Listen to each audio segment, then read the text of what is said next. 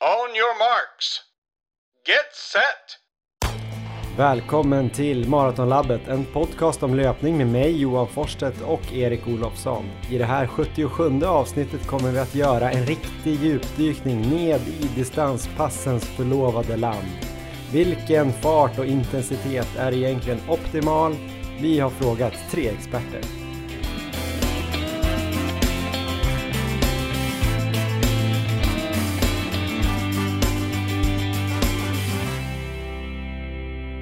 Ja, då är det dags för avsnitt 77 av podcasten Maratonlabbet. Erik Olofsson, du sitter i Uppsala och hur redo är du för det här avsnittet?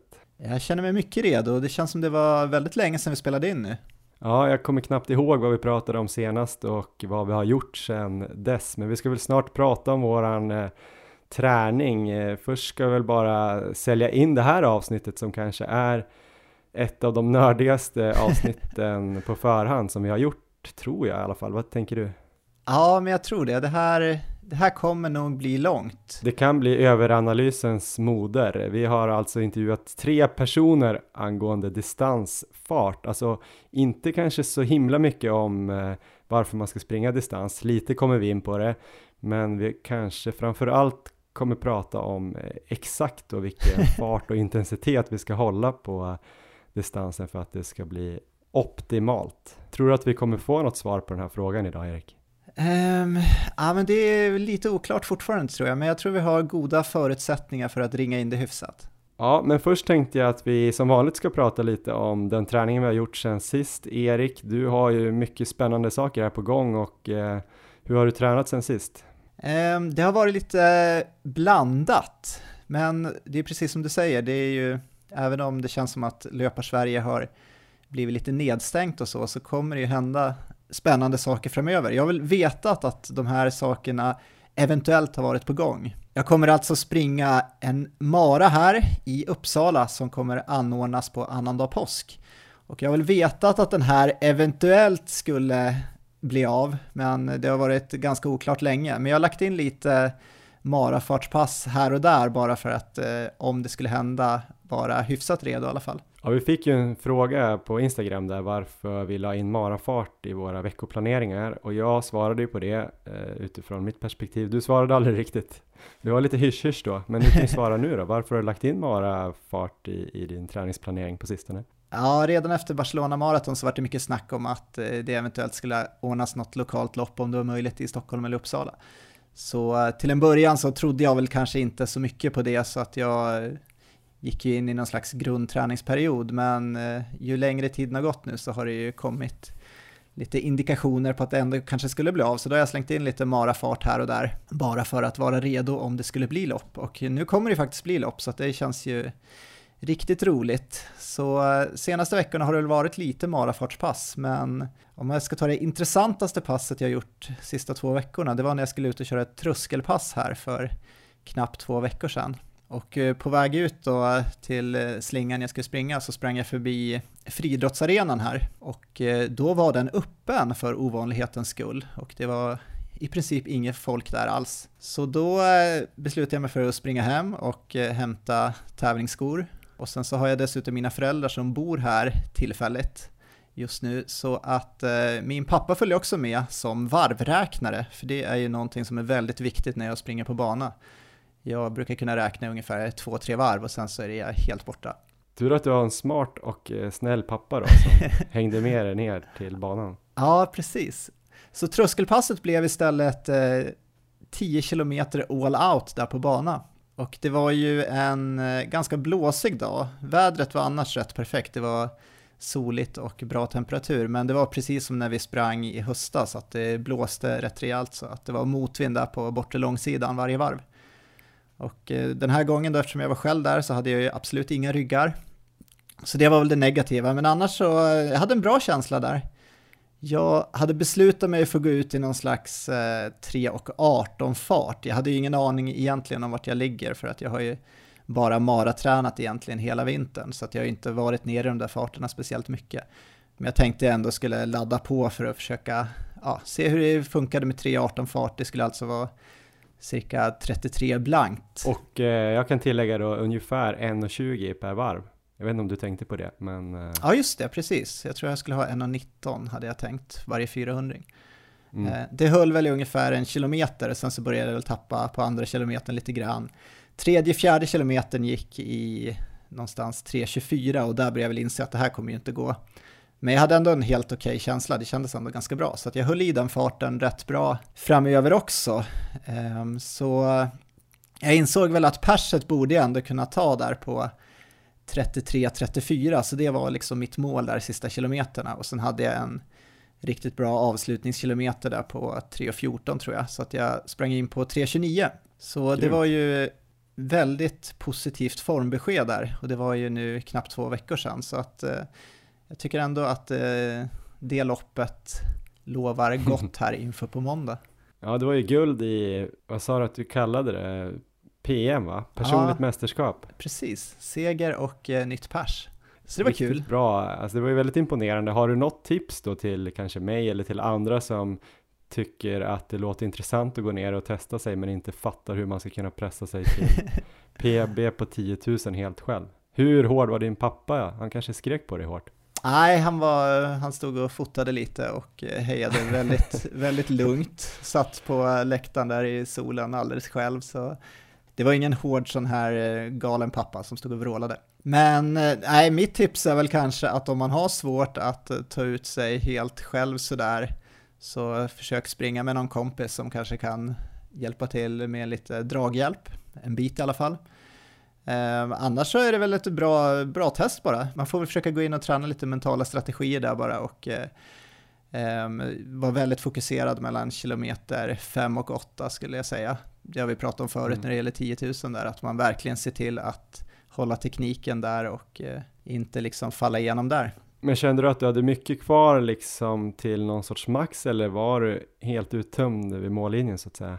Eh, Jag funderar på det där, det är ju om hur mycket snabbare jag kanske skulle kunna springa. Jag tror väl ändå inte att det är så mycket. Jag tror jag är ganska bra på att ta ut mig eh, under de där förutsättningarna ändå. Jag tycker det är jäkligt roligt bara att försöka utmana det egna perset. Jag jämförde pulsen jag hade när vi sprang DM då, 10 000 förra hösten, gentemot nu och snittpulsen var samma. Mm. Ehm, Sen så tror jag väl ändå det finns lite mer man kan ta ut om det är tävling, man kanske har någon rygg att gå på stundtals och jag kände ju direkt när jag hade gått i mål att jag var ju återhämtad väldigt fort. Efter DM där, då hade jag i och för sig gått i mål efter 24 varv och sen sprang ett extra varv, så då var jag helt förstörd när jag kom i mål och låg ju på marken ett tag. Nu var det väl bara att jag stod lutad lite mot stängslet någon halv minut och sen så kände jag mig återhämtad. Så att det, det fanns nog lite mer att ge, men jag ska inte säga att det fanns massor. Men jag är lite imponerad också för jag trodde ju att du hade planerat det här eh, testet. Nu låter det ju som att du bara sprang förbi där och tänkte så här oj, det är en bra möjlighet. Eh, hur lyckades du ställa om fokus så snabbt? Jag tänker att jag kanske skulle kunna ta ut mig ganska bra på ett sånt här test om jag har sett fram emot det en lite längre period eller i alla fall några dagar så här att det här passet ska jag göra på fredag, det är stenhårt men man laddar lite mentalt eh, några dagar innan sådär men eh, hade du det i bakhuvudet att du har velat prova eller? Nej, det var nog ganska spontant tror jag. Det kändes bara som en rolig idé när jag sprang förbi. Jag hade väl ändå förberett mig för ett hårt tröskelpass, så att det var ju, jag var ju på något sätt förberedd för det, men ja, nej, men jag, det var kul. Jag rekommenderar att prova om man har möjlighet och kan springa på bana. Och det kanske var tröskel ett tag i alla fall? Eller gick det över direkt och bara mörsade? Eh, ja, men första kilometern kanske var tröskel, men sen var jag väl uppe i någon så här puls på Jo, men det var kanske, kanske ett par kilometer till och med som jag låg i tröskel, men sen på sista fem låg jag i alla fall lite över tror jag. Ja men grattis då till PB! Under 33.30 Ja, tack Johan. Känns, känns bra. Hur har dina sista två veckor varit? De har varit eh, fortsatt bra, stabila med lite guldkorn i form av några bra pass. Eh, jag har väl fortsatt att ligga runt eh, 10 mil här per vecka ett tag. Jag hade en ganska imponerande vecka när jag landade på eh, 99 kilometer på på veckan. Just Men kunde lyckas hålla mig från att gå ut på min vilodag på söndagen och springa typ en kilometer få 100 på Strava. Vi pratade lite om det då. Jag tror att vi hade sprungit Sörmlandsleden med Jonas Lundmark, alltså inte hela leden, men eh, en sträcka Brotorp till Handen, tre mil. Eh, och eh, hade väl då en kilometer kvar för att eh, få 100, men jag gjorde inte den. och jag höll mig på söndagen också. Är det imponerande eller? Ja, men jag tycker det. Jag tror det var på min inrådan där att du ska stanna på 99 va? Ja, jag tror inte jag hade gjort det, men det var ändå så här lite, man blir lite sugen. Det är väl Ja. baksidan av Strava kanske, att det syns himla tydligt att man får en konstig siffra. Men sen så ja, men kände jag att det var större att stanna på 99 än att gå ut och springa 100. Så det var en bra, en bra vecka med ett fantastiskt härligt pass där med, med Jonas, där Verkligen. det gick riktigt undan eh, sista 12 när han fick någon sorts hemlängtan va? Ja, jag tror det. Ni sprang på riktigt bra där och jag är ju usel i den terrängen så att jag låg väl på maxkapacitet nästan, kanske inte maxpuls, men en maxkapacitet i den där terrängen. Och ni låg väl en 30 meter framför, så jag var lite orolig att springa vilse där om jag skulle tappa er. Du försvann lite, men jag trodde att du hade någon så strategisk plan, att du hade någon eh, puls eller någon fart som du inte fick gå över för att du skulle sabba din träning eller sådär. Men det var alltså att du kämpade. Det var oförmåga i löpning i skog helt enkelt. Det var härligt i 25 kilometer innan den där fartökningen på slutet tycker jag. Riktigt härligt.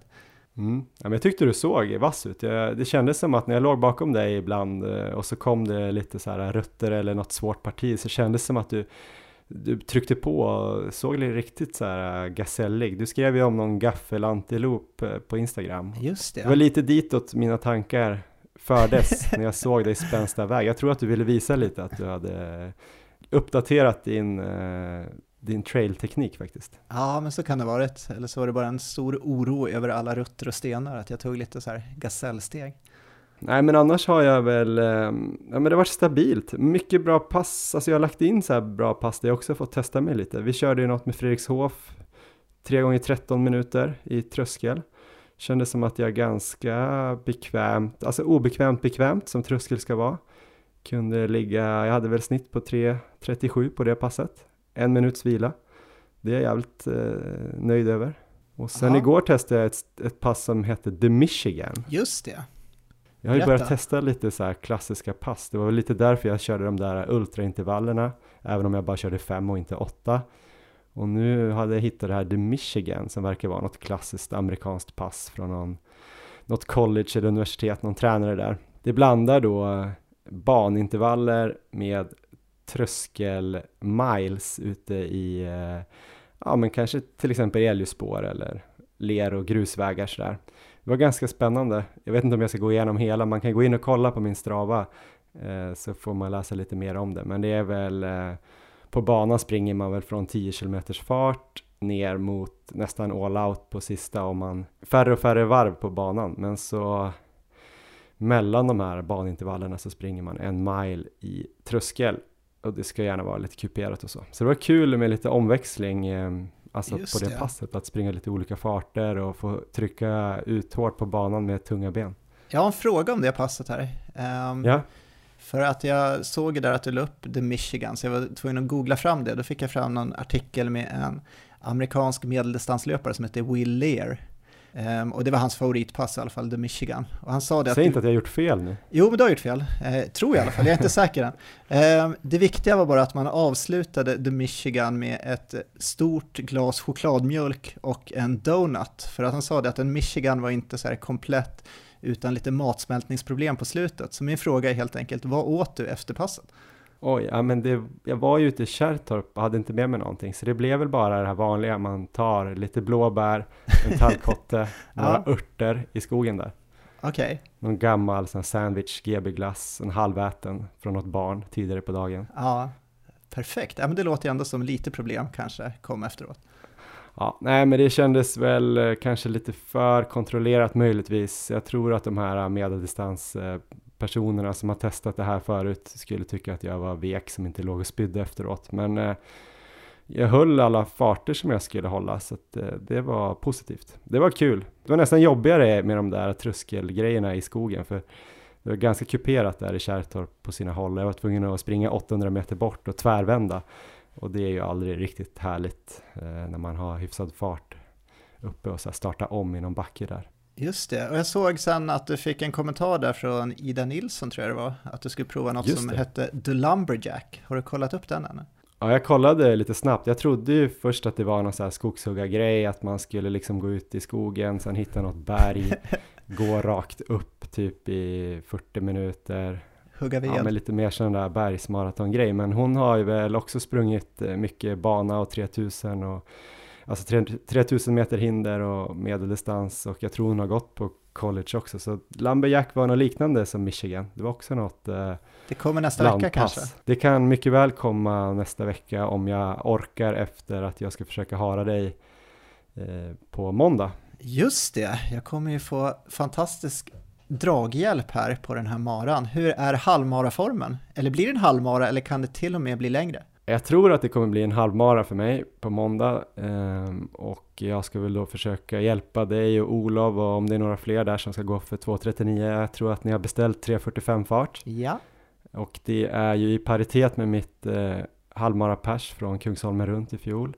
Jag tror jag landar precis över 1.19 om jag skulle hålla 3.45 exakt, så det kan ju bli en liten spurt de sista 2-3 kilometerna för att gå under eh, 1.18.59. 1.18.58 kanske, eh, rimligt resultat. Eh, sen får jag väl se om jag känner mig sugen på att hänga med ett varv till, men jag, jag riktar in mig på att det blir en halvmara.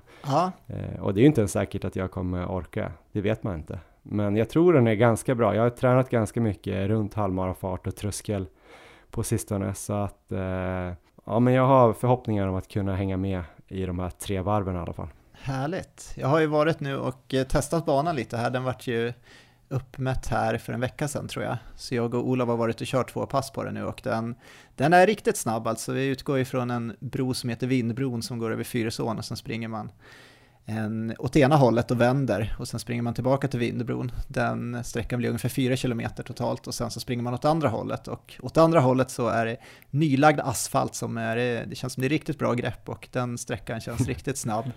Så den sträckan är 3 km, så sen är man tillbaka till Vindbron igen och eh, då är ett varv alltså 7 km. Så det är sex varv på den sträckan, så att det är ju det finns ju möjligheter där att hänga på 4 km till kanske i alla fall. Men hur, eh, lite snabbt då, hur är upplägget liksom, vad är taktiken? Eh, det är du och Olof, är det fler som ska springa under 2.39?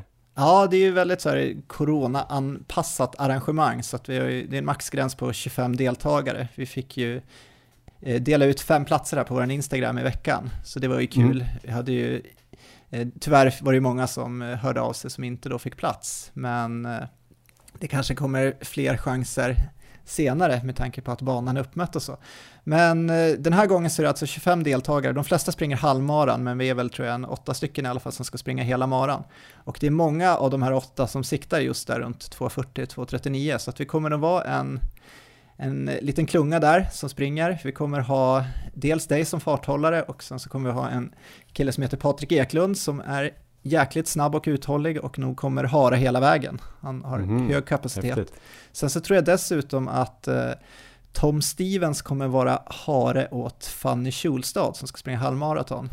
Um, hon ska springa snabbare än vad det, den farten vi ska hålla. Jag vet inte om jag ska hänga ut hennes måltid här. Um, jag kanske inte ska göra det. Men... Jag tycker att du gott kan göra det, för till mig sa hon att hon skulle hålla 3.45. Ja. Men eh, så om hon ljuger för mig då tycker jag helt klart vi kan eh, hänga ut henne. Är det 3.42 hon kommer springa på eller är det 3.40 till Jag vet faktiskt inte om hon vet det själv kanske. Det är kanske bara direktiv från ah. Christian här. Så att jag, jag får nog... Men jag har ju kollat på hennes resultat. Hon sprang ju första springsnyggt-loppet strax över 36 och sen gjorde hon väl eh, en ban, banmil här på 35.30 va? Ja. Och hon känns ju i grunden uthålligare än snabb, eller vad man ska säga, även om hon är såklart snabb. Så jag tror ju att hon kan göra under en 18, ja. eh, kanske, hög, eller kanske låga en 17 till och med. Så jag hoppas att de lägger sig där då. Jag tror du är på rätt spår. Och eh, mm. då kommer i alla fall Tom Stevens hjälpa till med draghjälp åt henne. Och jag tror att Tom kanske sen kliver in och eh, tar över efter dig sen om du kliver av där halvvägs. För då har han, han är redan med i loppet så att säga. Han har ju sprungit halva, det är bara att han har legat lite före oss. Så då kanske han kommer in och eh, hjälper till att dra den här klungan då som går för 2.39. Ja just det, så länge han inte kliver av liksom, att Nej, man precis. kan jogga på lite grann så ja. är det godkänt. Så då är han ju med i loppet. Så att vi kommer ju eventuellt ha två harar som hänger med hela vägen, så att upplägget den här gången är ju helt optimalt. Jag vet inte om man någonsin kommer få så bra upplägg på en mara igen. Ehm, jag kommer dessutom ha då eh, återigen hjälp av min far som kommer langa vätska och då tar vi det strax före en sån här vändning så att då kan jag ju få en flaska där med en hjälp på och sen så springa runt eh, till vändningen och sen på, på vägen tillbaka kan jag bara liksom lämna flaskan till honom igen. Så att det är ju ett bra tips om man ska springa, att man kanske har någon som hjälper till vid vändningarna. Finns det något som talar för att du inte ska klara 2.39? Ja, men det har jag ju lärt mig att det finns ju alltid mycket som kan gå fel. Till att börja med ska jag hålla mig frisk nu i fem dagar till, så vi får väl se hur det går. Och sen så vet man ju aldrig hur formen är och det kan ju hända hur mycket som helst. Så jag känner mig väldigt ödmjuk ändå inför det här loppet. Det ska bli riktigt kul, det känns bra på förhand och sådär, men jag är helt medveten om att mycket kan gå fel. Så att jag, målet är att ta sig under 2.39 och sen så behöver det verkligen inte gå snabbare än så, utan klarar jag med en sekund så är jag supernöjd. Ja, det ska bli väldigt spännande att få följa den här SM-kvalsatsningen på nära håll på måndag och kanske till och med få vara med och hjälpa lite grann om formen är där. Ska klyva lite vind åt dig Erik. Ja. Eh, nu tänkte vi ju snart snacka lite mer om distansfart, men först ska vi prata lite om eh, vår samarbetspartner Löplabbet som vi är väldigt eh, glada och stolta över att vi får samarbeta med. Löplabbet är ju Sveriges största butikskedja för löpgrejer och deras webb är ju också fenomenal www.löplabbet.se Där hittar man ju allt som finns i butikerna också och just nu kan man få det man köper på löplabbet.se levererat hem till dörren för endast 79 kronor. Butikerna är också öppna som vanligt trots corona så om ni är symptomfria så kan ni ju besöka dem och testa ut skor. Kanske den här nya skon från New Balance, eh, Fuel Cell TC som ju är en sko med kolfiberplatta som ska vara lite lik eh, Nikes Zoomfly som jag fattat det. Jag tror att New Balance kommer släppa en ännu snabbare race-sko i sommar. Men den här tror jag kommer vara perfekt för att träna snabba pass inför maraton eller andra tävlingar och den kommer vara lite mer hållbar än eh, de här riktigt snabba skorna som jag fattar det. Du var ju väldigt positiv till din New Balance sko, den här 1080 distansskon. Kanske något för dig det här Erik? Ja, men det tror jag. Det var ju, 1080 är ju den första New Balance-skon jag har sprungit i och jag är helt nöjd med den och den tycker jag känns väldigt snabb. Så är det här en mm. lite snabbare variant till och med så är jag väldigt intresserad. Mm, det ska vara en annan mellansula då, Fuel Cell. Det är 10 mm dropp, eh, den väger 264 gram och ja, mer kolfiberplatta, varför inte? Vi tackar Löplabbet.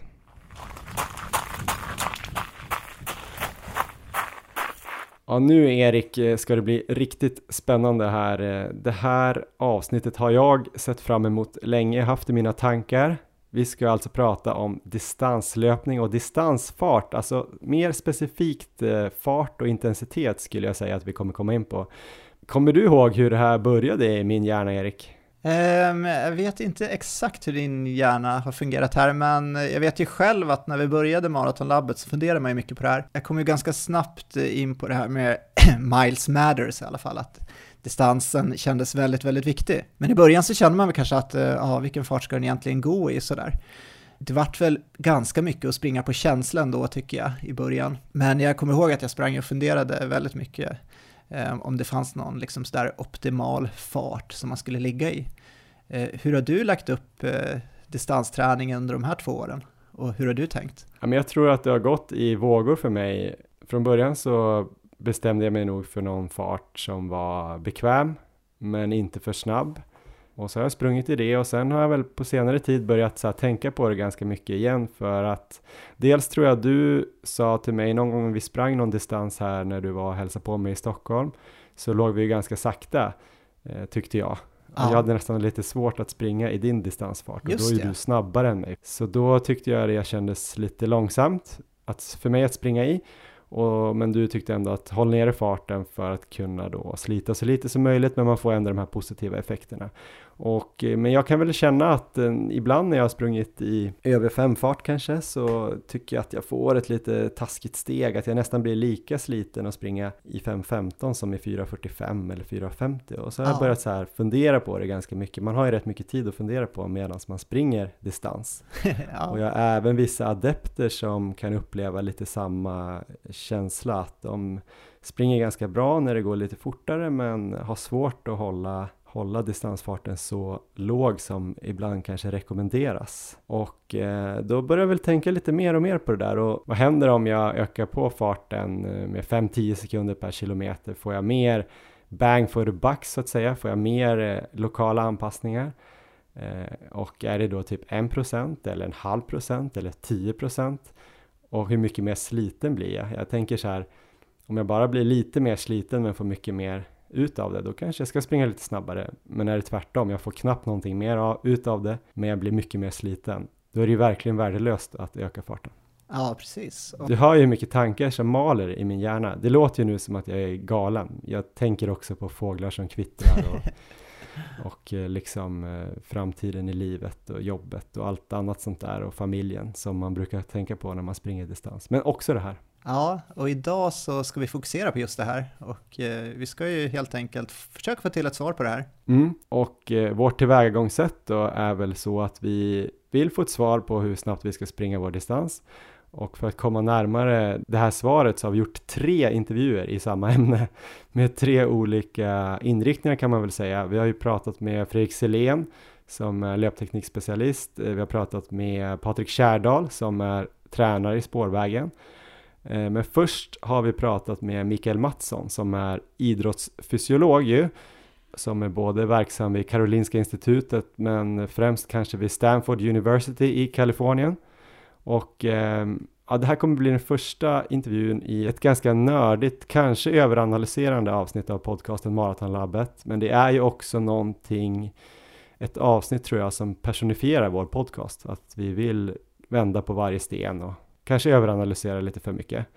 Men nog om det, vi börjar egentligen med Mikael Mattsson här för att få järnkoll på de fysiologiska aspekterna kring distanslöpning och fartintensitet. On your marks. Get set! Ja, då har vi Micke Mattsson på tråden från Kalifornien. Välkommen till Maratonlabbet. Tack så mycket för att jag får, får vara med och prata med dig. Först och främst, hur är läget där borta? På er del av världen? Här är det krisigt får man säga. Det är, det är nedstängt och, och jag sitter på hemmakontoret och tittar ut över trädgården och, och får endast gå ut för att hämta nödvändigheter som, som apoteket och affären och möjligen träna lite grann också. Ja, det är konstiga tider. Eh, världen rasar samman. Samtidigt sitter jag och Erik och nördar ner oss i vilka farter vi ska springa vår distans i. Um, jag vet inte, livet måste väl gå vidare på något sätt, men det, det är konstiga prioriteringar kanske. Vi har ju med dig i alla fall eh, utifrån ett fysiologperspektiv, tänker vi, och eh, vi skulle vilja prata med dig vad som händer i kroppen, just den här distansträningen som man gör. Om man har kommit upp eh, så man är lite ambitiös motionär och kanske springer då, vad ska man säga, 7-8 upp till 15-20 mil till och med, då kanske man till och med börjar bli elit.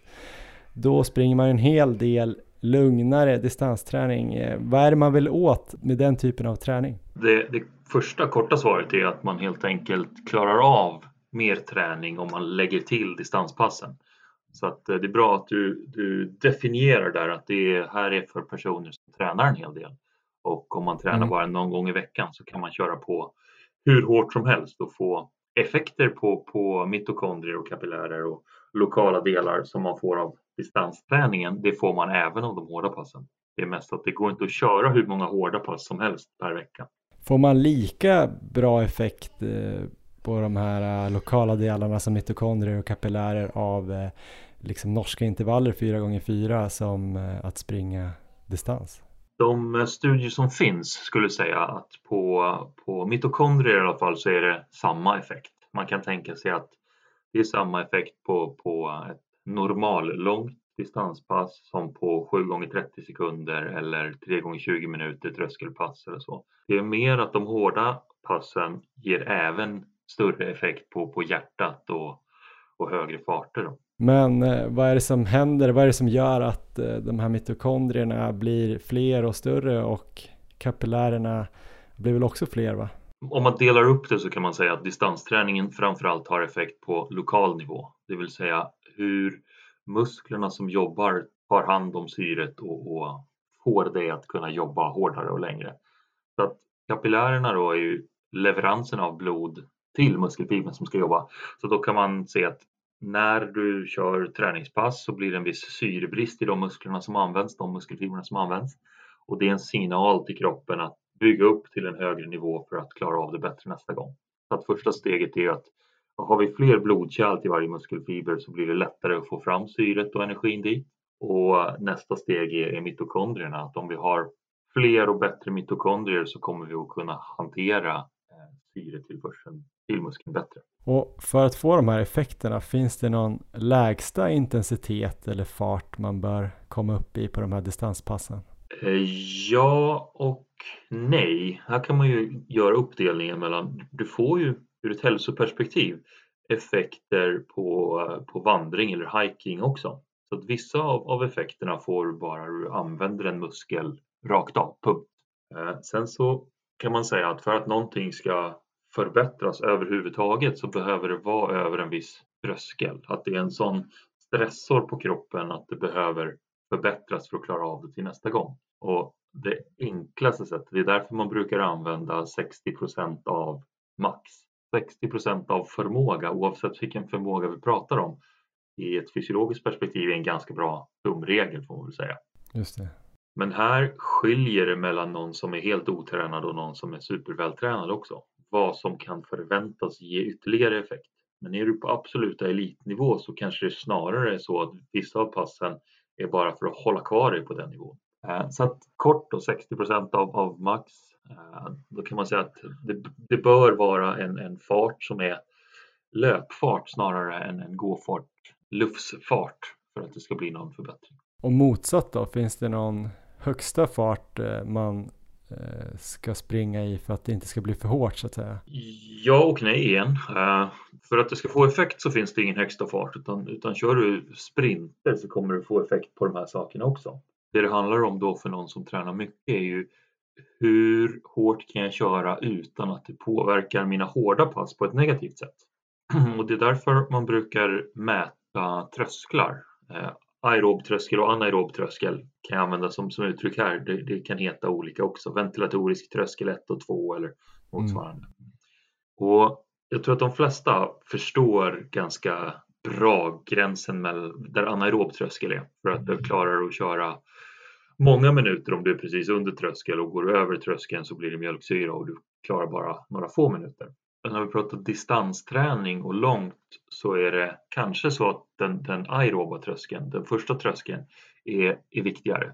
Mm. För att på samma sätt som att återhämtningstiden om du går över anaeroba tröskeln blir mycket, mycket högre än om du är precis under den så om du kör distans över den aeroba tröskeln så kommer återhämtningstiden att bli mycket längre än om du kör precis under. Och då blir det också så att, jag sa 60 procent, de här kommer ju flyttas beroende på hur vältränad du är och vilken profil du har som, som löpare. Så för vissa personer så, så funkar högre hastigheter bra. Det kommer inte att slita mer för att du är fortfarande under aerob tröskel, även i relation till ens egen maxförmåga. Men då har jag min eh, absolut viktigaste fråga i hela den här intervjun tror jag. Låt oss säga att jag springer milen på 35, det vill säga 3.30 fart, har min anaeroba tröskel någonstans runt 3.35-3.40 mm. och aeroba, jag vet inte just nu, det är så svårt att, att, gissa sig till, det var ett tag sedan jag testade men säg att den skulle ligga på 4.20 nu. Mm. Då fattar jag, okej okay, distansen ska då eh, går långsammare än 4.20. Men ja. vad är skillnaden om jag springer 4.45 och 4.35? Får jag mer effekt på mitokondrier och kapillärer om jag springer 4.35? Mm. Och då kan man säga effekten kommer vara på, på totalt arbete. Den största skillnaden är mellan hur många kilometer du springer. Så det betyder att ja, om vi säger 35 och 45 är båda bekväma löphastigheter för dig. Så att upplevelsen är inte speciellt stor skillnad.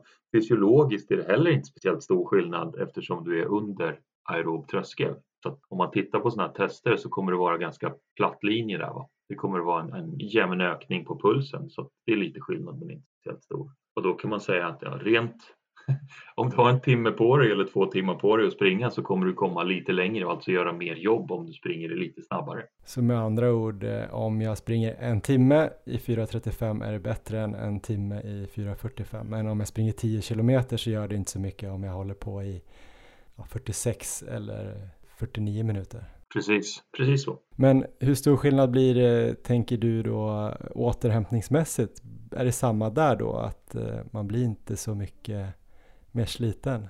Om du springer i 4.40 eller 4.42 så kommer du inte kunna märka knappt skillnaden där. Och nu pratar de om så liten skillnad så att, så att den effekt som är intressant för hur lång återhämtningstid du skulle ha är nog snarare hur långt du har sprungit. Då kan man säga att det ska, du ska försöka köra även distanspassen, ganska många av dem, tillräckligt fort. Så att det finns vissa människor som helt enkelt kör lite för lugnt på sina distanspass också. Mm.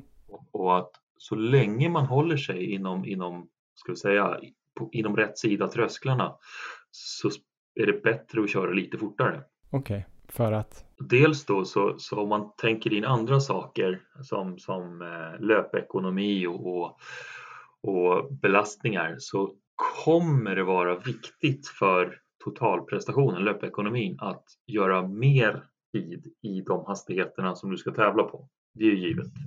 Och faktum är att de lokala effekterna får du bara i de muskelfibrerna som används. Och ju fortare du springer desto mer, ska vi säga, mer snabbare fibrer kommer att behöva användas. Just det, och mer likt då sin tävlingsfart antar jag. Precis. Så att om du kan hitta en fart som är låg fysiologisk belastning men nära din mekaniska belastning så är det optimalt. Just det optimalt när vi nu är på, på ska försöka köra så lugnt som, som, som möjligt och klara av så många kilometer som möjligt i vår träning. Jag tänker just det här med tröttheten, när man brukar säga då att eh, kör dina distanser lugnt så att du kan vara fräsch till eh, dina hårda kvalitetspass. Är det liksom både muskulärt men även eh, vad ska man säga, centralt hjärta-lungor men även det här med mitokondrierna. Alltså vart blir man trött så att säga? Vad är det man pratar om? Då? Just det. Vi kan använda de siffrorna du gav så att om du hade din, din aeroba tröskel på 4,20 det betyder att du tycker att det är bekvämt att springa i 4,20. Mm. Då är det ingen skillnad om du springer 4,35 eller 4,45 eh, och det är inte slitigt. Men om du skulle springa i, i fyra minuters tempo då mm. sliter det lite hårdare. Och sen så när du kör dina riktigt snabba intervaller, vad har du för, för hastigheter då? Ja, om jag kör riktigt snabbt så springer man väl kanske 3.15, 3.20 då. Lite mer Precis. 5 km fart. Så då blir det då, när man pratar om polariserad träning så är det ganska vanligt om vi pratar om motionärer att du snarare kör i 3.30 till 4.15 tempo. Det vill mm. säga allting hamnar här i mitten. Och att effekterna och toleransen för att göra mer träning Dels så blir det viktigt att du kör de där hårda passen på 3.15 istället för 3.30. Och så ska du ha flera timmar, då måste de ligga långsammare än 4.20.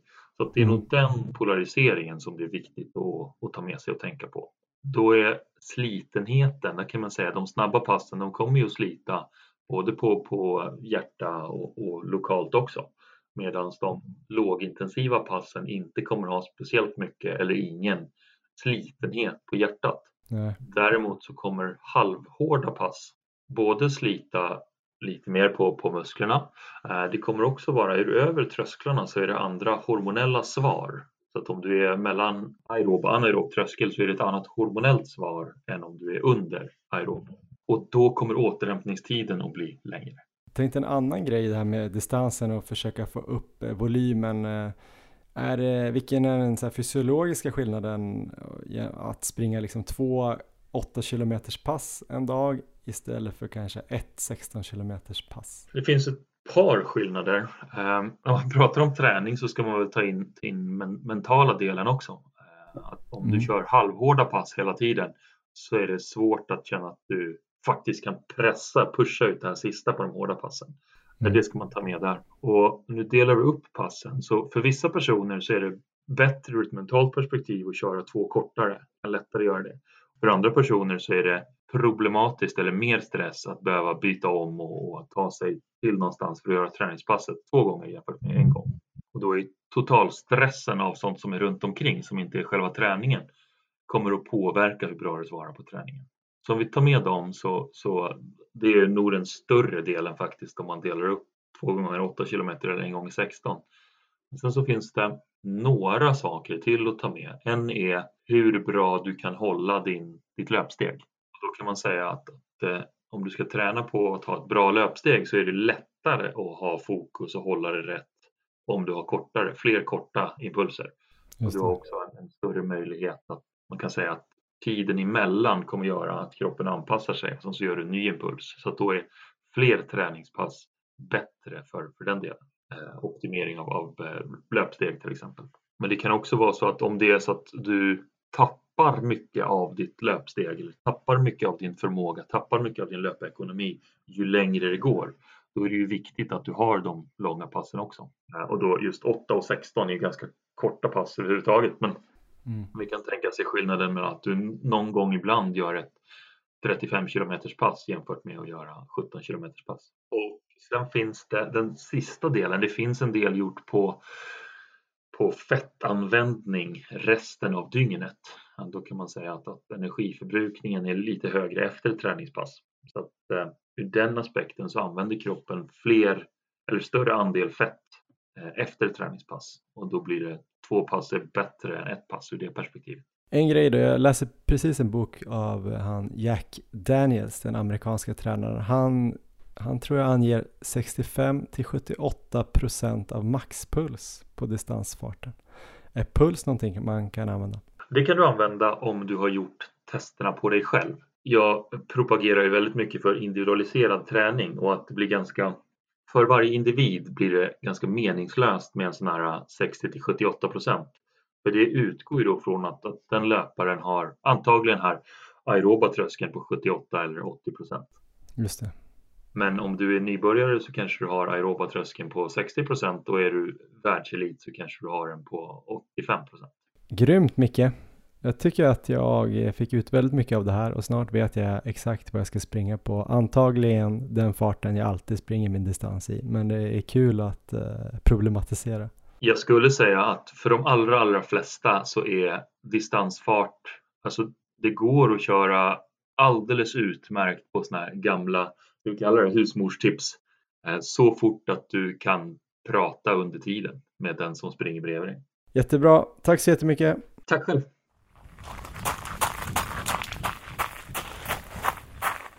Ja men det där var Mikael Mattsson, Erik, eh, fysiologiska aspekter på det här med distanslöpning och eh, det var några klara svar och sen några saker som gör att man kanske måste fortsätta undersöka lite här. Men någonstans över 60% av max för att få effekt överhuvudtaget, ja. men inte över aerob tröskel för att det blir alldeles för slitigt då. Så där har vi någon sorts zon då, enligt Mattsson. Ja. Vad tänker du?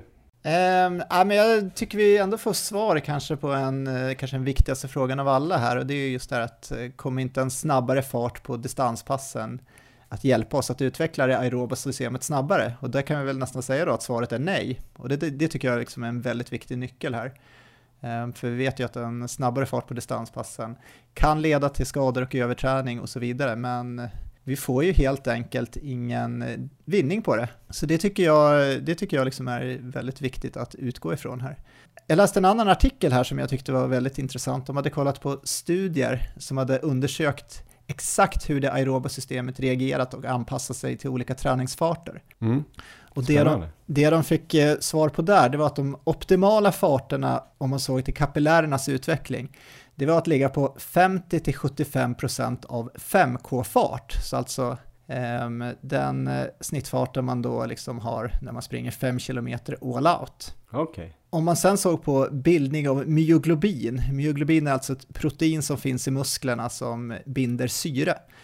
Då var vi uppe på 55-75% av 5K-fart. Och sen den sista faktorn var mitokondriernas utveckling och där var det uppe på 65-75% av 5K-fart. Ehm, så optimal distansfart då, om man såg på det här, det var någonstans mellan 55 till 75 procent kan man säga.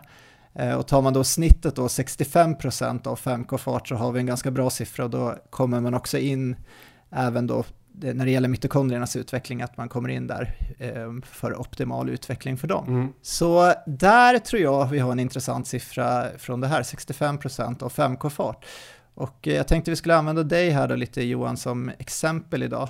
Ehm, ja. Planen för dig är att springa milen på 35 minuter, så 3.30 fart ungefär. Mm. Ehm, och sen eh, maran har vi väl, eh, i det här exemplet nu idag har vi satt på 2.48, det är alltså 4.00 fart. Egentligen om man kollar på Jack Daniels och Maramackans tabeller så ska du kunna göra 2.42 ungefär med din miltid. I wish. Däremot så tror jag att din 5K-fart, eh, om man kollar på de här tabellerna, stämmer ganska bra. Jag har satt den på 16.50, det tror jag är fullt rimligt om man kollar, du sprang ju 3 km här för några månader sedan. Så Mm. att eh, den, din 5K-fart kommer här bli 3.22, vad tror du om det? Ja, men det är väl någonstans där. Jag satt väl 1645 som mål i år. Ja. Och eh, jag tror att jag... Eh, det är väl någonstans där jag kanske landar snart. Eh, jag kanske kan, kanske kan bli ännu snabbare, hoppas jag. Men eh, igår när jag sprang Michigan, då sprang jag 3.20 fart på den som skulle vara 5K. Det säger ju inte såklart att jag kommer springa 5K i 3.20, men 3.22 låter rimligt. Ja, perfekt. Och då har vi alltså 65% av din 5K-fart, det kommer bli 4.33. Mm. Så springer du i 4.33 fart, då kommer du liksom få maximal utveckling, eller ja, maximalt på alla de här lokala anpassningarna. Så att jag tycker vi kan säga då att en slags slutsats är ju att eh, det finns ingen anledning egentligen för dig att springa snabbare än så. Utan Nej. 4.33 tycker jag kan vara liksom en bra gräns att ha där. Sen så tror jag det kan finnas anledning att springa långsammare än så på vissa pass. Mm. Det som vi möjligen då skulle kunna offra lite grann här är eh, mitokondriernas utveckling, men jag tror att eh, skillnaden där är säkert oerhört marginella och det vi kan förlora då med skador och överträning och så vidare tror jag eh, är betydligt värre. Så där tror jag vi har en bra utgångspunkt. Sen så har jag kollat också lite grann på vad Kipchoge gör, för det är alltid intressant. Ehm, för han är ju bäst av alla på herrsidan på maraton. Och det intressanta är att han springer sin distans ganska långsamt. Eh, ett normalt distanspass för Kipchoge är ofta en mil på 40 minuter, så 4.00 fart. Eh, hans distansfart är i snitt 27% långsammare än hans marafart. Och då har jag roat mig lite med att bara slå på eh, lite andra sluttider på maraton för att jämföra. Så till exempel om man springer på 2,5 timme, alltså 2.30, då har man en snittfart på 3.33 på maraton. Då skulle man med motsvarande ligga på 4.30 distansfart. Springer man på tre timmar, som vi gjorde till exempel där 2018 när vi sprang i Frankfurt, 4.16 hade vi i snitt då på som marafart och då ska man ligga på 5.25 i distansfart eh, med Kipchoges mått. Springer man på 3.30 så har man en snittfart på maran på 4.59 och då ska man springa eh, på 6.19 och så vidare. Men det som händer är att ju längre totaltid vi kommer upp i på maraton så minskar ju skillnaden mellan marafarten och distansfarten.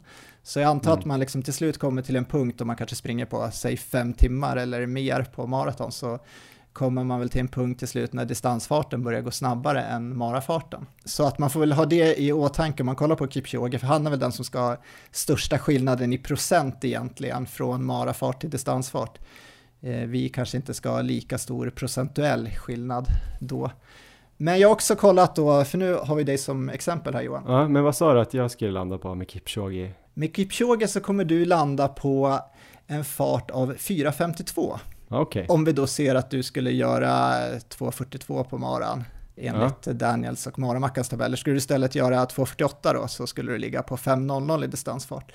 De här tiderna baserar ju på Kipchoge och det är väl kanske inte så konstigt för han är bäst i världen. Men eh, det finns ju löpare som är nästan lika bra som honom som springer sin distans betydligt fortare. Vad tror och tänker du kring det? Ja, men det finns många intressanta exempel att kolla på då. Vi kan kolla lite på Mo Farah till exempel. Som han gick över och tränade för Alberto Salazar ett tag här. Och innan han gick dit så körde han sin distans väldigt lugnt, jag har sett eh, runt 4.20 i snitt. Det är ju Mm. får man ju säga väldigt lugnt för att vara en löpare av hans kaliber.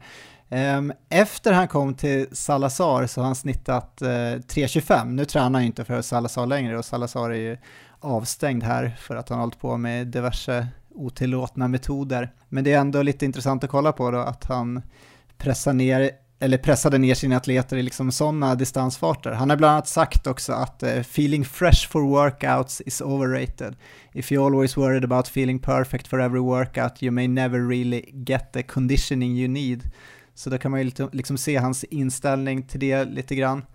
Och eh, om man då ser på honom, det är klart att han har ju haft en hel del framgångar med eh, sina atleter på olika distanser, men om vi kollar då på just maraton till exempel och eh, två av hans bästa, Galen Rupp och Jordan Hussey, så har ju båda de slitit med eh, otroligt mycket skador här de sista åren.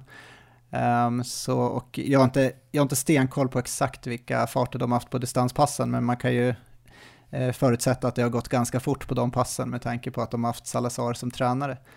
Och ett eh, annat exempel som vi ofta tar upp då, det är ju Renato Canova och eh, om vi då ser på eh, Sonde Nordstamoen så är han känd för att springa med väldigt hög fart på distanspassen också.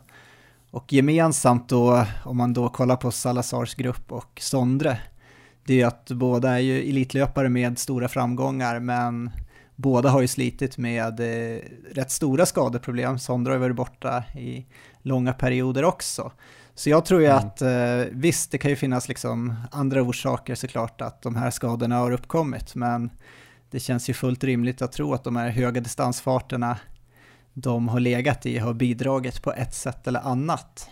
Men tror du att de också bidragit till att de har kunnat utveckla sin löpning också då, även om det finns den här risken, baksidan, att man kan bli skadad? Det har det nog gjort, men frågan är om de liksom har tjänat på det i totalen, för just när man blir borta i så många veckor och missar kontinuiteten så är det ju det är svårt att säga såklart, men mm. jag tror ju med tanke då på Kipchoge som har en helt annan kontinuitet och kör ju distansen lugnare, det känns ju jag tycker det känns som ett mer vinnande koncept. Men det kan ju vara så att de här stora tränarna typ eh, mest är ute efter guldmedaljer, världsrekord och prispengar.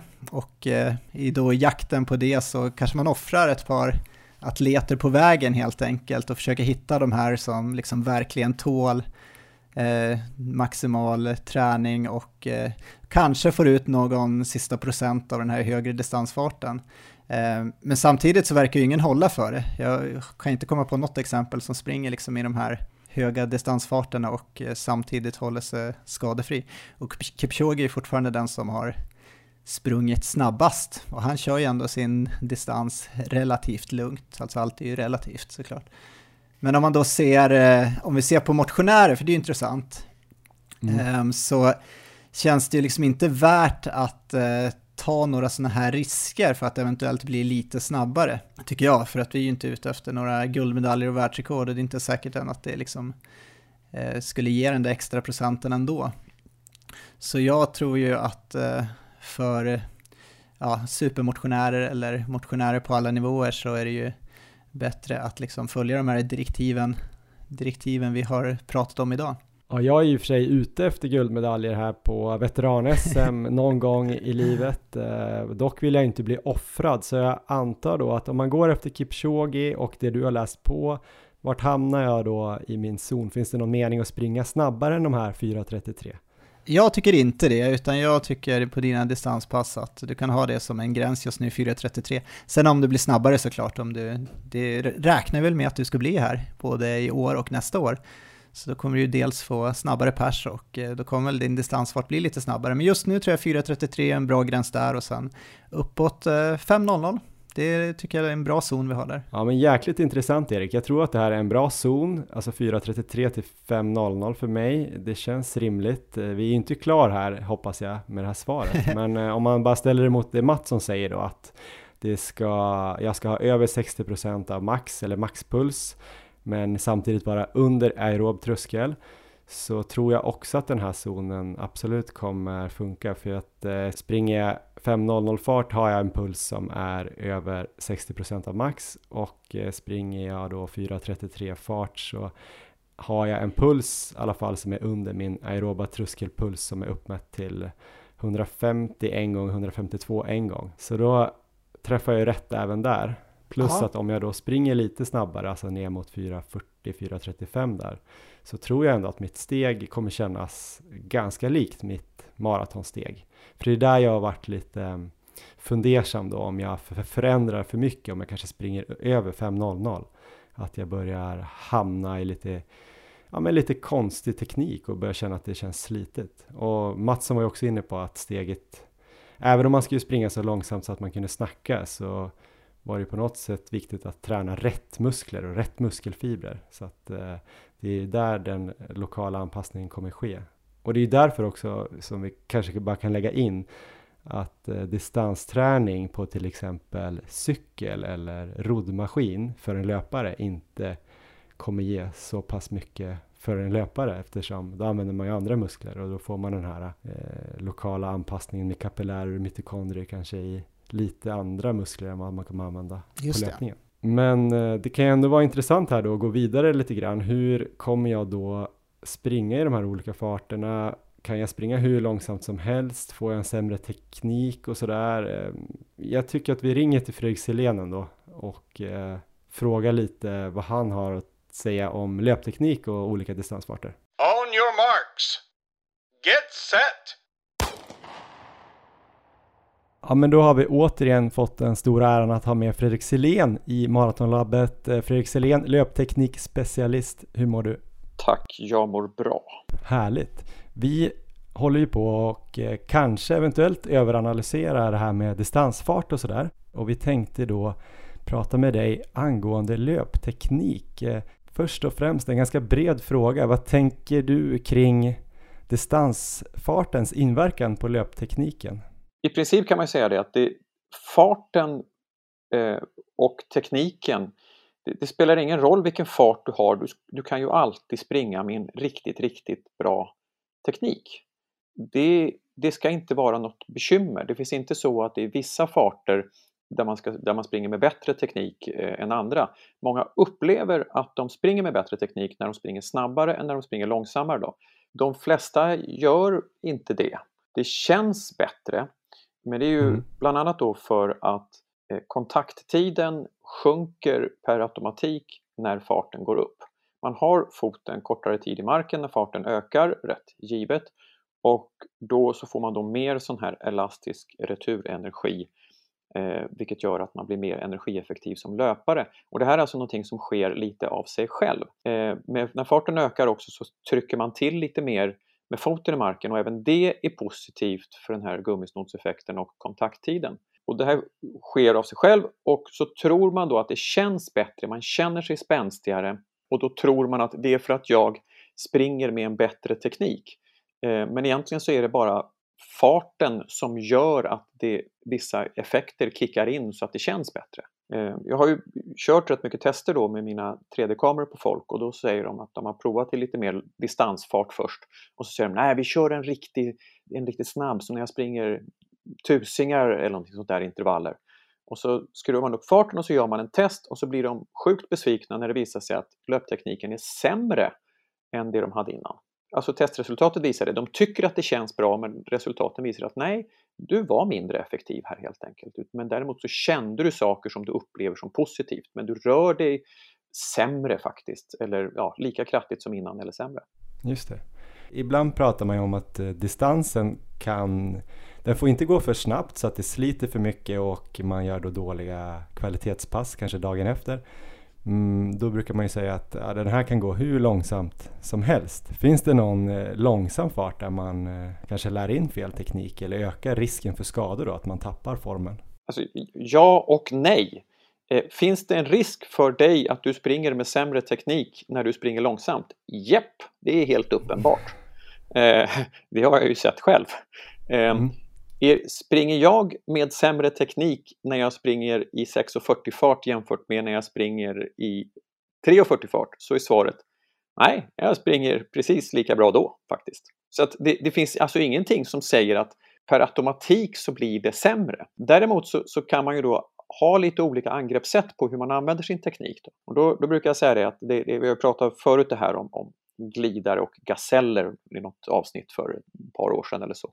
Nu har vi ju sen, sen jag kört sådana här motion metrics hos mig då så har vi använt ord som power racer och quickstepper och sådär. Men det, det, är lite, det är lite, två lite olika tekniker man kan använda för att springa energieffektivt.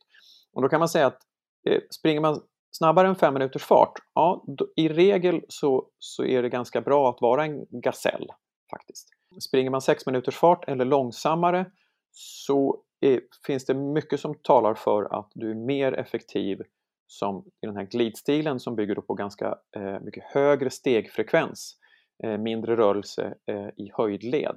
6 minuters fart och långsammare så kan man då med fördel ha, använda sig av en strategi och fem minuters, snabbare än 5 minuters fart kan man ta en annan strategi. Och då blir problemet där på mitten mellan 6 och 5 där väldigt, väldigt många ligger. Och då är vi inne på det som blir de individuella aspekterna.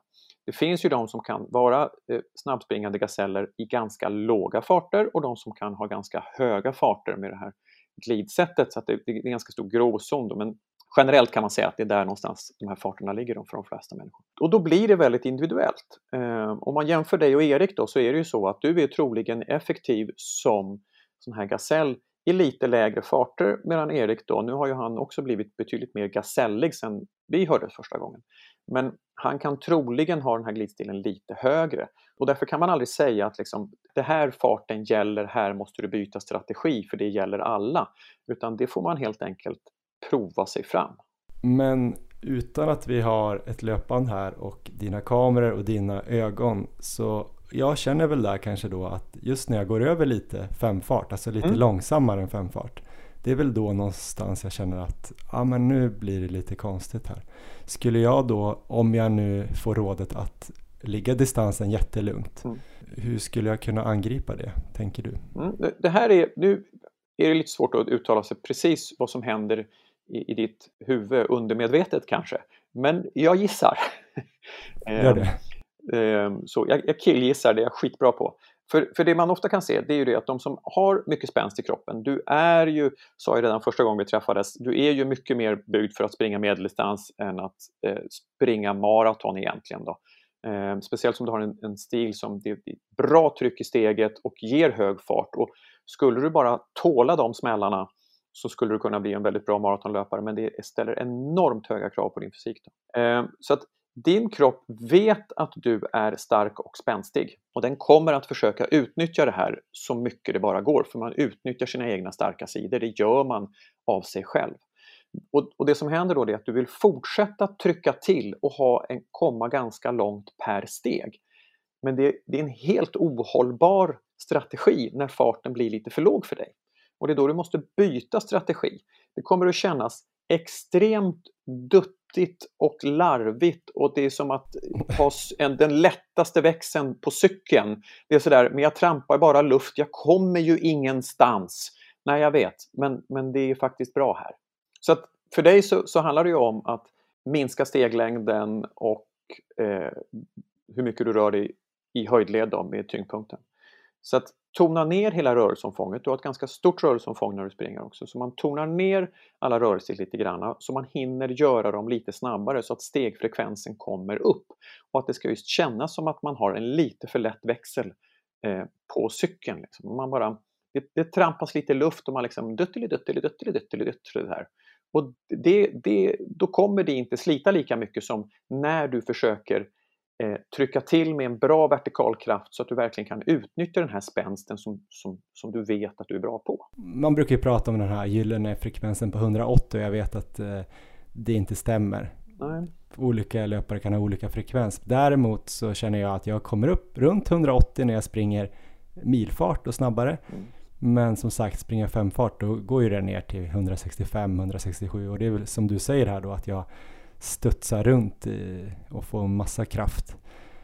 Tycker du att man kan komma upp i ungefär samma frekvens eh, på den här långsamma distansen då som när jag springer milen? Nu ska vi se här, du springer milen på 35 ungefär, va? var det så? Ja, det hoppas vi. Mm, det, det hoppas vi. Så, så, här, när man då går till den här glidarstilen, då kan man faktiskt så här, eh, öka stegfrekvensen ganska ordentligt. I princip så följer fart och stegfrekvens för de flesta människor ganska tydligt. Ökar du farten så tar du fler steg per minut. Man kan ju bara öka farten på två sätt. Ta fler steg per minut eller ta längre steg. Det är de två sätten mm. som funkar. Och då får, så får, ökar du farten, ja, då ökar du stegfrekvensen. Det är bara att kolla på Usain Bolt vad han har för stegfrekvens. Liksom. Men då när man sjunker då, när du sjunker ner och känner att farten blir långsammare, då kan du helt enkelt plötsligt göra ett litet hopp och öka. Alltså det finns ganska många människor som mår bra av att när de är nere på 6 minuters fart för att de ska springa liksom ultralopp eller, eller vad nu är, man håller på lite längre sådär. Springer man 6 minuters fart så finns det ganska många som mår bra i att ligga kring en, ja, 185-187 i stegfrekvens. Det är ju där någonstans eh, som Kipchoge har legat när han slagit världsrekord på maraton. Då. Så att trots att det går långsamt så kan man där plötsligt byta strategi. Det sjunker, det sjunker lite granna och sen så när det börjar sjunka lite mycket under 170, någonstans där kring 168-69, där, där liksom kör det ihop sig och man går under det. Och då kan man göra det här lilla hoppet upp till lite högre, tona ner alla rörelserna och liksom göra det här dutteliduttelidutt istället då, den stilen med glidtekniken. Då. då ska jag nästan ha två olika stilar då, eller två varianter av min stil? Ja, du kan göra en lätt justering. Alltså egentligen så är det själva rörelsemönstret är, är väldigt likt, i de, så att det är egentligen inte två stilar. Utan det är en stil som det är din mer normala stil när du springer på lite kvickare och sådär. Så när det går lite långsammare så ser man helt enkelt till att man gör samma typ av rörelse. Det är bara det att den måste tonas ner i själva omfånget lite granna för annars så kommer du inte hinna med. Det kan också vara så för att för att få upp frekvensen så gäller det ju verkligen att hitta det här med korta pendlar så att troligen då lite vassare vinkel i armbågen eh, och att det blir ännu viktigare med att man har en bra rörelse i axeln. För stannar axelrörelsen lite då måste man kompensera genom att rotera överkroppen och det är så mycket massa i överkroppen att det kommer ta längre tid. Kan man få upp rörelsen lite i axeln då, då minskar man hur mycket som måste flyttas och så kortar man armpendeln genom att böja lite mer i armbågen. Då kliver stegfrekvensen upp i regel lite extra, speciellt om man då kan, som du då, få tona ner rörelserna lite till. Mm. Jag tänkte en fråga som jag hade där eh, som du kanske indirekt har svarat på, men eh, olika löpartyper då, om man pratar quickstepper och power racer och kan de klara av den här övergången till långsammare farter på ett bättre sätt? Eh, ja, då är det ju så att eftersom quickstepper, då, det vill säga den lite högre stegfrekvensen och lite sådär, det är ju ett sätt som ofta praktiseras av just eh, ultralöpare och sådär, folk som håller lite lägre fart. Det finns ju fruktansvärt snabba ultralöpare, men folk som mer vanliga människor som springer ultra. Då. Så att då har ju de en fördel med att de kan, de har mycket, mycket lättare att springa långsamt helt enkelt. Det, kom, det är så här, ja men det var väl inget svårt, vad pratar du om, säger de till dig. Medan sådana som du då, som har just det här lite mer medeldistanssteget. Det är en hög flygfas, vilket kan vara jättebra för du får till en ett fantastiskt bra vertikalkraft, får väldigt kort kontakttid eh, och är väldigt bränslesnål på det sättet. Då. Men det är svårare för dig då att, att hitta det här steget för eh, det lite långsammare då. Och det är en liten omprogrammering i huvudet som måste ske.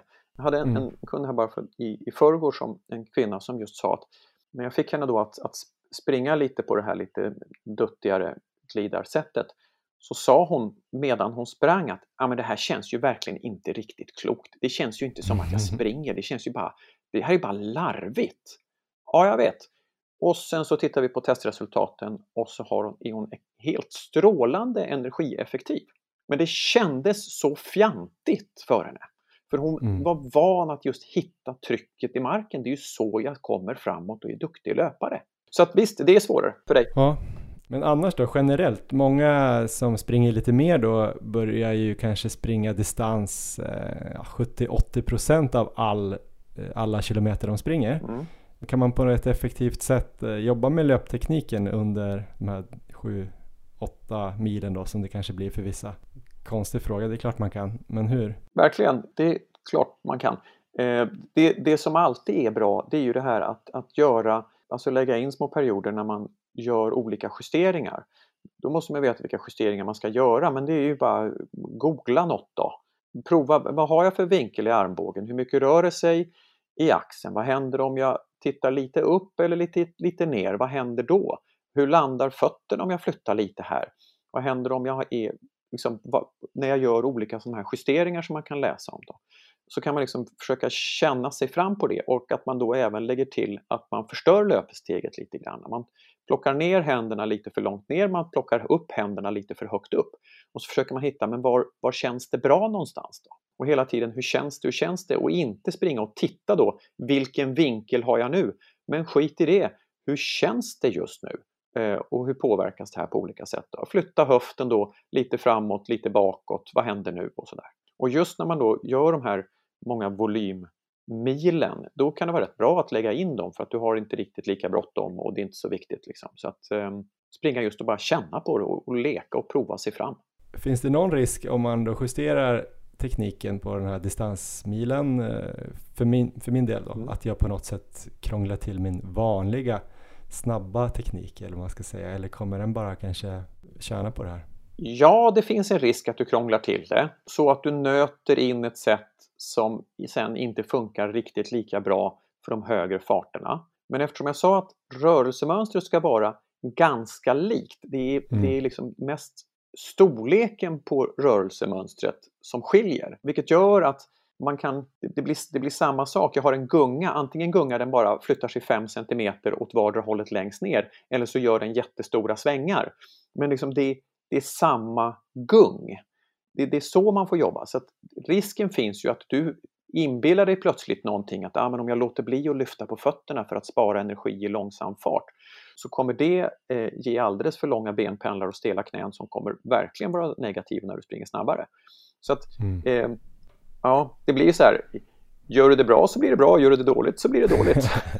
ja, det beror på. Ja, ja jättebra Fredrik. Eh, tusen tack eh, för den här analysen. Eh, om man vill göra analys hos dig, då finns det tider nu här va? Ja, så här i coronatider kan man säga att det finns lite mer tider än vanligt då. Annars brukar det vara rätt så fullbokat. Men nu håller sig folk mest hemma. Men visst, det, det kan man absolut göra. Stort tack Fredrik och ha det bra. Tack du, tack och hej.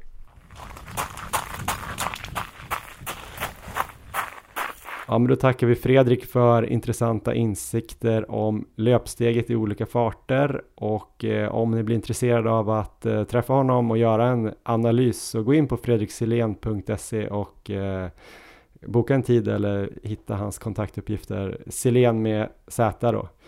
Eh, ja, Erik, eh, det var spännande det där tyckte jag och eh, mycket kanske kopplat till min löpning. Jag får be om ursäkt om det blir lite Nej, det var kul. Jag får be om ursäkt om det blir lite för mycket navelskåderi här. Men jag hoppas att någon annan också kan ta till sig det här. Men då kanske framförallt det här med att ta till sig att man ska springa som man gör i snabbare farter fast ner, mer nedtonat Precis. oavsett då om man är glidare eller gasell. Men är man glidare då så är det kanske lite mer naturligt att man kommer springa likadant i olika farter. Men eh, att jag ska väl verkligen undvika den här studsiga stilen och det är väl antagligen det som händer när jag springer i 5-10 att jag fortsätter att studsa runt med höga steg och långa steg men eh, med för dålig frekvens så det blir ganska slitigt ändå. Ja, har du testat där Johan någonting? Har du provat att springa med en nedtonad teknik? Så att du springer på samma sätt men bara liksom att eh, tona ner alla rörelser. Har du provat det på någon distanspass? Ja, men jag har provat lite förut, men framförallt nu bara sedan jag gjorde den här intervjun, för den gjorde jag ju för några dagar sedan. Så mina distanspass efter det har ju gått ut ganska mycket på att testa de här råden som han har gett mig. Aha. Jag tänker typ så här, jag kanske inte kommer kunna springa min distans med 180 i frekvens som jag kanske gör på ett millopp eller ett 5K-lopp. Men om jag börjar med att kanske komma upp över 170 i alla fall istället för att ligga där med 165-167 så kommer det ta mig ganska långt tror jag. Ja, men det här tycker jag är väldigt spännande och sen så är frågan om det är liksom värt att göra i det långa loppet. Jag tror att det kommer vara värt att göra om du kan känna att du kommer bli bekväm i den här, det är ju samma teknik, nedtonad, men du måste ju ändå bli bekväm i det. Men hur känner du då? För din teknik, förändras den mycket när du springer långsammare? För ett tag, nu har jag sett på Strava att din eh, distansfart har blivit lite snabbare tycker jag. Du har ju ganska länge tycker jag legat eh, att du kan springa din distans i 5.10, 5.15 ibland. Men nu tycker jag lite mer att det är runt 4.40 kanske. Ja, ja men det stämmer. Jag, om man tar förra hösten så låg jag ofta i femfart kanske, ibland långsammare än femfart. Jag mm. tror att det här har skett lite automatiskt. Jag har ju sprungit mycket på känsla på mina distanspass och jag eh, kunde väl uppleva förra hösten att jag ändå var ganska sliten rätt ofta efter hårda kvalitetspass och sådär. Ehm, så jag tror väl att den här totalmängden som jag ändå sprungit nu med väldigt bra kontinuitet länge gör att eh, jag inte blir lika sliten längre. Så att jag mm. tror det har gjort mycket varför min eh, distansfart har blivit snabbare. Så eh, jag går väl fortfarande ganska mycket på känsla, men nu är det precis som du säger att nu är jag i 4.30 och 4.40 fart en hel del på mina distanspass. Det kan vara något pass där jag ligger fortfarande runt 5 fart. Men om du springer 5 fart då, skulle det vara om du är väldigt sliten eller är det mer om du springer ut i skogen eller? Det skulle nog vara om jag är väldigt sliten, om jag kanske har kört ett, eh, ett hårt marafartspass dagen innan. Då skulle jag nog kunna hamna där, tror jag. Men då känner inte du att det blir konstigt eh, att springa 5.00 då? Nej, inte alls faktiskt, utan det är ju just att jag kanske springer mer åt gliderhållet. Um, så jag har ju en högre steg, stegfrekvens och mm. eh, men jag upplever nog att det är mycket lättare för mig att springa distans långsamt än vad det är för dig. Jag skulle till exempel inte ha några problem alls att springa 5.30 och fortfarande känna mig liksom helt bekväm och att tekniken är precis som vanligt. Så att det där är ju verkligen en sån här teknikfråga. Mm. Och det är det som gör det så intressant hur, hur du ska göra nu, tycker jag. För för mig är det ganska enkelt, men frågan är ju just eh, Eh, just hur du ska göra när du är liksom riktigt sliten efter hårda kvalitetspass. Om du då kan göra som Fredrik beskriver nu, att tona ner din teknik och ligga i kanske fem fart eller lite långsammare, det vore ju perfekt om det är möjligt att göra. Men om inte mm. det går, då kanske det är bättre för dig om du är riktigt sliten att vila eller köra alternativt dagen efter. För att ge dig ut och köra um, distans då i högre fart, det kanske är det som kan leda till skador sen. Så det, men det är en intressant väg just om man vill få upp en totalvolym som du väl ändå vill få här, att eh, prova det här lite grann, se hur det går nu framöver att tona ner tekniken. Så att ja, det ska bli spännande att följa. Ja, men det ska bli intressant att eh, landa i en slutsats snart, tänker jag Erik, eh, angående min distansfart. Och kanske även din då, och kanske även ni som lyssnar har lärt er någonting. Men innan jag kommer bestämma min distansfart, eh, definitivt. Så ska vi prata med en till. Vi kanske har lärt oss så mycket nu så att det knappt behövs, men jag tycker att vi ska landa i praktiken och vi landar då hos Patrik Kärdal som är elittränare i spårvägen. Han eh, tränar bland annat eh, Cissi Norrbom, eh, Lisa Havell, Emil Danielsson heter han va? Ja. Så att han tränar ju väldigt duktiga löpare och eh, han har varit en duktig löpare själv. Så vi hör lite vad han säger och vad han eh, har för råd om distansfart. On your marks. Get set. Ja, men då har vi ännu en intervju, en intressant tränare på tråden, Patrik Kärdal. Du är ju tränare i Spårvägen. Berätta lite mer om eh, vilka du tränar där. Jag tränar en eh, hyfsat liten grupp som satsar på 1500 meter upp till maraton. Så eh, medel slash långdistansinriktning. Då. Ja, mycket spännande. Vi har ju tänkt att vi har med dig som eh, något sorts eh, facit på hur man ska göra i praktiken. Du tränar ju riktigt duktiga löpare och vi har ju pratat eh, med Fredrik Selén och Mikael Mattsson här tidigare. Så vad känner du kring distansfart? Hur mycket långsammare än milfarten bör man springa distansen? Om vi börjar med en bred fråga. Om vi börjar med konkreta råd. Ja, jag använder faktiskt ingen sån eh, huvudregel kopplad till eh, milpers då. Eh, utan min erfarenhet är att det är mycket känsla, ibland lite puls man kan styra med om man har dålig, dåligt med känsla. Mm. Och sen är det väldigt individuellt då hur fort man, man springer sin distans i. Men om du tänker eh, känslan där, hur ska den vara? Och ska den vara olika på olika distanser i veckan? Hur tänker du där?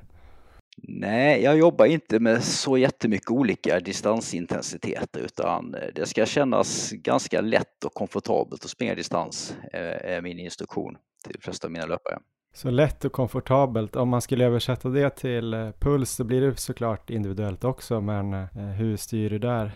Ja, i de fall jag använder puls så är det med kanske lite yngre löpare som inte har sprungit så mycket distans. Och eh, distanslöpningen är ju verkligen eh, ja, det man lägger 80 till 90 procent av tiden med. Liksom. Det är ju stommen i, mina, i min träning. Och för att få dem att hitta rätt där så kanske man drar någonstans 70 procent av maxpuls. Bara för att få något enkelt att relatera till. Om man tänker, du sa någonting om individuella skillnader där. Har du löpare av olika liksom, karaktär som springer olika fort på sina distanspass? Ja, en lite intressant observ observation jag gjorde själv under min aktiva karriär då jag hade förmånen att träna med många väldigt duktiga löpare var bland annat två löpare med ett liknande pers på 5000 meter Båda två har sprungit runt 13.30 då. Mm. Men en av dem sprang eh, det mesta av sin distans i, jag skulle säga 4.20 till 4.30 per kilometer. Medan den andra sprang kanske i 3.40 till 3.50 då. Nästan alltid. Det är lite intressant. Men om du tar de här två exemplen du hade där, Om det skulle varit dina adepter, skulle du försöka hejda han som sprang i 3.40 eller speeda upp han som sprang lite långsammare? Om jag skulle lagt mig i det skulle jag nog snarare försökt att hejda han som sprang fort. Mm. Jag tycker inte det finns någon direkt poäng med att speeda upp distanspassen utan då är det bättre att spara den energin till de mer riktade passen. Då. Just det, man brukar ju prata om att träna de lugna dagarna riktigt lugnt för att ha energi till de här kvalitetspassen. En annan skola kan ju vara också att eh, om man kör kvalitetspassen på lite tunga ben så blir det också en typ av annan belastning liksom som kan vara värdefull. Vad står du där? Ja, absolut. Speciellt om det är maraton du siktar på. Då är det ju eh, en, en viktig sak i att träna specifik fart med ganska trötta ben. Då, då är det en ackumulerad effekt av vi räknar ju total volym och anser att det är en viktig sak vad du gör per vecka. Eh, så det är viktigare att hålla uppe den under en grundträningsperiod än att vara väldigt pigg till kvalitetspassen. Men eh, på tal om det, du sa lite att ni inte delar in distanspassen i olika underkategorier. Är det liksom aldrig något där det, ja, det här är återhämtning, den går lite långsammare än vanlig distans eller progressiv distans eller liknande? Ja, instruktionen är ju framförallt att ja, fredagarna är en ganska lätt dag. Den är kort och lugn. Det ska vara en återhämtare distans för de flesta av mina löpare då, som har pass lördagar. Annars tycker jag att viktigt att använda lite variation. Liksom, har du sprungit ett långt maratonpass eh, specifikt, säg att du har sprungit 6 gånger 3 kilometer i maratonfart på platt asfalt. Då kan det vara lämpligt att kanske köra distansen dagen efter på eh, mindre stigar och väldigt mjukt underlag då du får variera ditt steg lite grann, vilket ökar återhämtningen då och minskar skaderisken. Annars då, brukar ni ha andra moment inlagda i samband med distanspass, till exempel backsprints eller strides eller styrka? Ja, eftersom distans är som ryggraden i träningsprogrammet eh, så eh, gör vi allt annat i samband med distanslöpning egentligen. Så har vi distans innan styrka och vi avslutar med eh, antingen backsprint som du säger eller stegringslopp då, vanligtvis en gång i veckan. Om man tänker dubbeldistans, vad tänker du kring att springa ja, men två milpass istället för att springa ett långt eh, distanspass? Är det risk att distansen blir för lång om man liksom lägger in 15-20 kilometer? Ja, det är en ganska bra fråga. Det är också intressant hur man lägger veckan där, men ett pass på 20 kilometer ställer ju helt klart större krav på uthålligheten än två pass à 10 kilometer vardera då, med vila däremellan. Men det finns ju, vill du ha en lättare dag men ändå få in en totalvolym så är det ju lättare att splitta upp den. Mm. Jag försöker ju variera där också, att vi har oftast ett medellångt långpass kanske i mitten på veckan medan de flesta dagar är dubbla dagar då. Men det generellt sett är det ju, tycker jag att det är bättre för en uthållighetslöpare att kanske satsa på ett kortare morgonpass och ett längre eftermiddagspass än två lika långa. Då. Varför då? Eh, därför att ett längre distanspass ställer lite högre krav på uthålligheten helt enkelt. Hur brukar ni lägga upp det då, då ungefär på dina löpare? Alltså totalt och per pass? Klassisk dag är ju 10, på, 10K på morgonen och 15K på kvällen. Klassisk 25 km dag då. Sen gör vi oftast en kortare 8 till 10 km på morgonen och de har ett, ett intervallpass på kvällen. Då kanske du får ihop tre mil på dagen. Och om du kör lite längre distans där mitt i veckan, är det över 15 då? Ja, då brukar det vara över 15. Eh, sista då, gyllene frågan här. Det råkar vara så att frågan är ställd utifrån mig här, fast det är faktiskt Erik som har skrivit den. Eh, om man springer maran på 2.48, alltså 4.00 fart och milen på 35, 3.30. Du sa ju att du inte eh, brukade ha någon sån där rekommendation, men vilken fart skulle du råda att man ska ha på distanspassen ungefär om man säger en, en zon så att säga? Svårt att säga en tid, men långsammare än eh, en maratonfart. Det är säkert ganska enkelt att springa distans i 4.00-fart för någon som har ett milpers på 35 minuter. Så ska man ha någon huvudregel där, men då eh, blir det också att man hamnar på, om man sätter en sån här regel, om man säger att ja, men 4.30 per kilometer är lagom. Ja.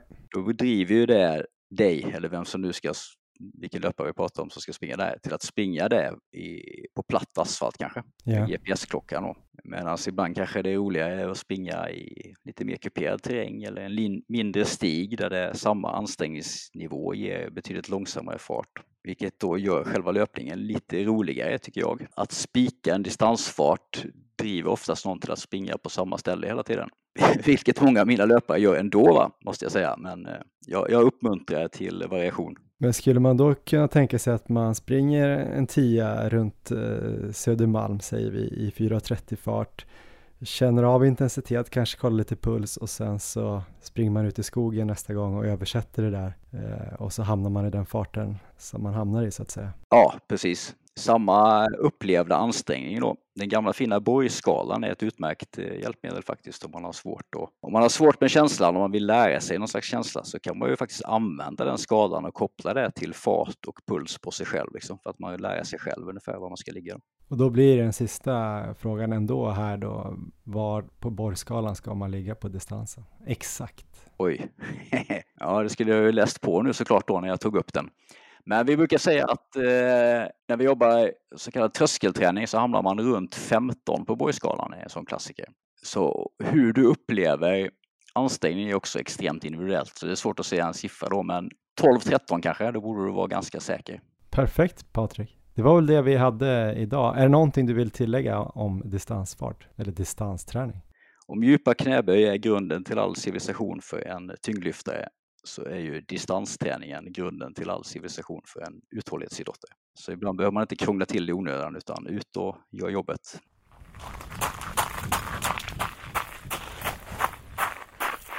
Ja, Erik, jag tycker att han eh, träffar ganska rätt där i sista meningen. Eh, dels det där om att eh, grunden till all civilisation för en löpare är distansträningen, men också att han tycker att man inte ska krångla till det i onödan utan gå ut och göra jobbet. Eh, krångla till det i onödan kanske är det vi har gjort. Eller så är det precis det vi inte har gjort. Men grejen är att vi nu snart här en gång för alla kanske kan lämna det här med distansfart bakom oss och sen så bara vara trygga i att vi gör helt rätt. Vad tror du? Jag tyckte det var snyggt där i slutet. De har ju försökt undvika svaret på den här frågan om vilken exakt fart hela tiden. Men du lyckades i alla fall få eh, Patrik här att ge oss den exakta borgskalan. Så det var ja, det. snyggt gjort. 12-13. Ja, men precis. Så min slutsats blir då kanske att jag ska springa på 12 till 13 på borgskalan med god teknik. Gärna i skogen. Sen så tyvärr är ju borgskalan också väldigt så här individuell känns det som. Folk skattar ja. åt lite olika håll. Nej, men det var mycket, mycket bra här också. Jag tycker verkligen vi har fått eh, från olika aspekter här som är intressant. Mm. Men lätt och komfortabelt kan vi ta med oss tycker jag. Just det. Och sen så sa han faktiskt några grejer precis efter att jag hade slutat spela in när vi skulle egentligen säga hej då. Det var väl att några tips han kunde ge till folk var ju lite sådär att när man springer distans så kan man ju då tänka på så här teknikgrejer. Man kanske vet någonting som man borde jobba på eller man kanske har hört av någon fysio att man ska koppla på rumpan mer när man springer eller någonting. Då är det ett ypperligt tillfälle att tänka på de här grejerna och kanske är man dålig utför eller uppför så kan man ju fokusera på några backar om man springer ute i lite mer kuperad terräng. Eh, och sen så gav han också ett tips, där tänker jag mig att du gör på dina runder mycket. Aha. Eller du kanske lyssnar mycket på poddar, jag vet inte. Men att visualisera och tänka på framtida framgångar och härliga saker i livet. Det, han verkade vara lite av en livsnjutare den här Patrik också. Jag vet inte om det kom fram riktigt i, i intervjun, men, men uh, han kändes härlig där på slutet. Ja, ja, men det tycker jag är bra tips. Jag vet ju efter att vi var hos Fredrik Selén första gången där. Så när jag sprang mina distanspassan så tänkte jag ju väldigt mycket på de här tekniktipsen jag hade fått där. Det var mycket att komma fram med höften och sådär. Och jag känner mm. ju att det har gjort väldigt stor skillnad för mitt löpsteg. Så att det finns ju mycket man kan göra under distanspassen. Vi vet ju att David Nilsson till exempel, han var ju med i podden här tidigare och berättade om att han tänker väldigt mycket på sin teknik under sina löppass. Och även han har ju varit hos eh, Fredrik och gjort tester. Så eh, ja, jag tycker jag tycker definitivt man eh, kan eh, boka in ett pass hos eh, Fredrik Selén också. Han pratade förut om att man kunde googla fram vilka justeringar man kan göra, men det är ett ypperligt läge istället att gå dit och liksom få veta exakt vad det är man bör göra. Och helt säkert att han har corona-anpassat hela verksamheten med socialt avstånd och så vidare, så det är nog inga problem att gå dit och göra ett tekniktest. Nej, David var ju riktigt nöjd. Han sa i våran podd där att det skulle vara ett jäkligt bra samtal om han inte skulle tänka på tekniken samtidigt om ja. han inte sprang distans. Kommer fram till nu exakta distansfarter. Vad tänker du är din dis exakta distansfart först? Min distansfart kommer nog vara ganska lika din distansfart, så jag kommer nog ligga där mellan 4.30 och 5.00. Sen så hoppas mm. jag att den kommer fortsätta bli snabbare distansfarten. Jag hoppas ju att jag kommer kunna träna på bra med hög volym och bli bättre, så att jag hoppas väl här att min 5K-fart kommer bli snabbare. Så att 65% då kommer vara ännu snabbare distansfart också. Men jag tror ändå att man ska springa väldigt mycket på känsla. Det ska kännas här som eh, Patrik är inne på, lätt och komfortabelt. Jag har lyssnat en del på en podcast som heter Strength Running Podcast av Jason Fitzgerald. Han pratar om 3C's som då ska vara comfortable, controlled och conversational. Så det tror jag är bra att det är komfortabelt, det känns kontrollerat men att man också kan springa och prata. Men då ska det vara som David säger då, att det ska vara ett väldigt bra samtal om man ska inte tänka på tekniken mm. när man springer. Vi kanske ska börja spela in podden när vi är ute och springer distans. Det ska vi kunna prova. Och om det blir flåsigt så här och, och lyssnarna tycker det är störigt, då har, springer vi för fort helt enkelt. Ja. Ska vi försöka sammanfatta ihop det här Johan? Vad tror du? Ja, jag vet inte hur mycket vi måste sammanfatta, men eh, jag tror att eh, min distansfart i alla fall kommer nog ligga som du säger där, mellan 4.33 och 5.00. Jag har känt det eh, dels när jag är ute och springer distans, att det hamnar ganska naturligt där, när det känns komfortabelt och 12 till 13 på borg.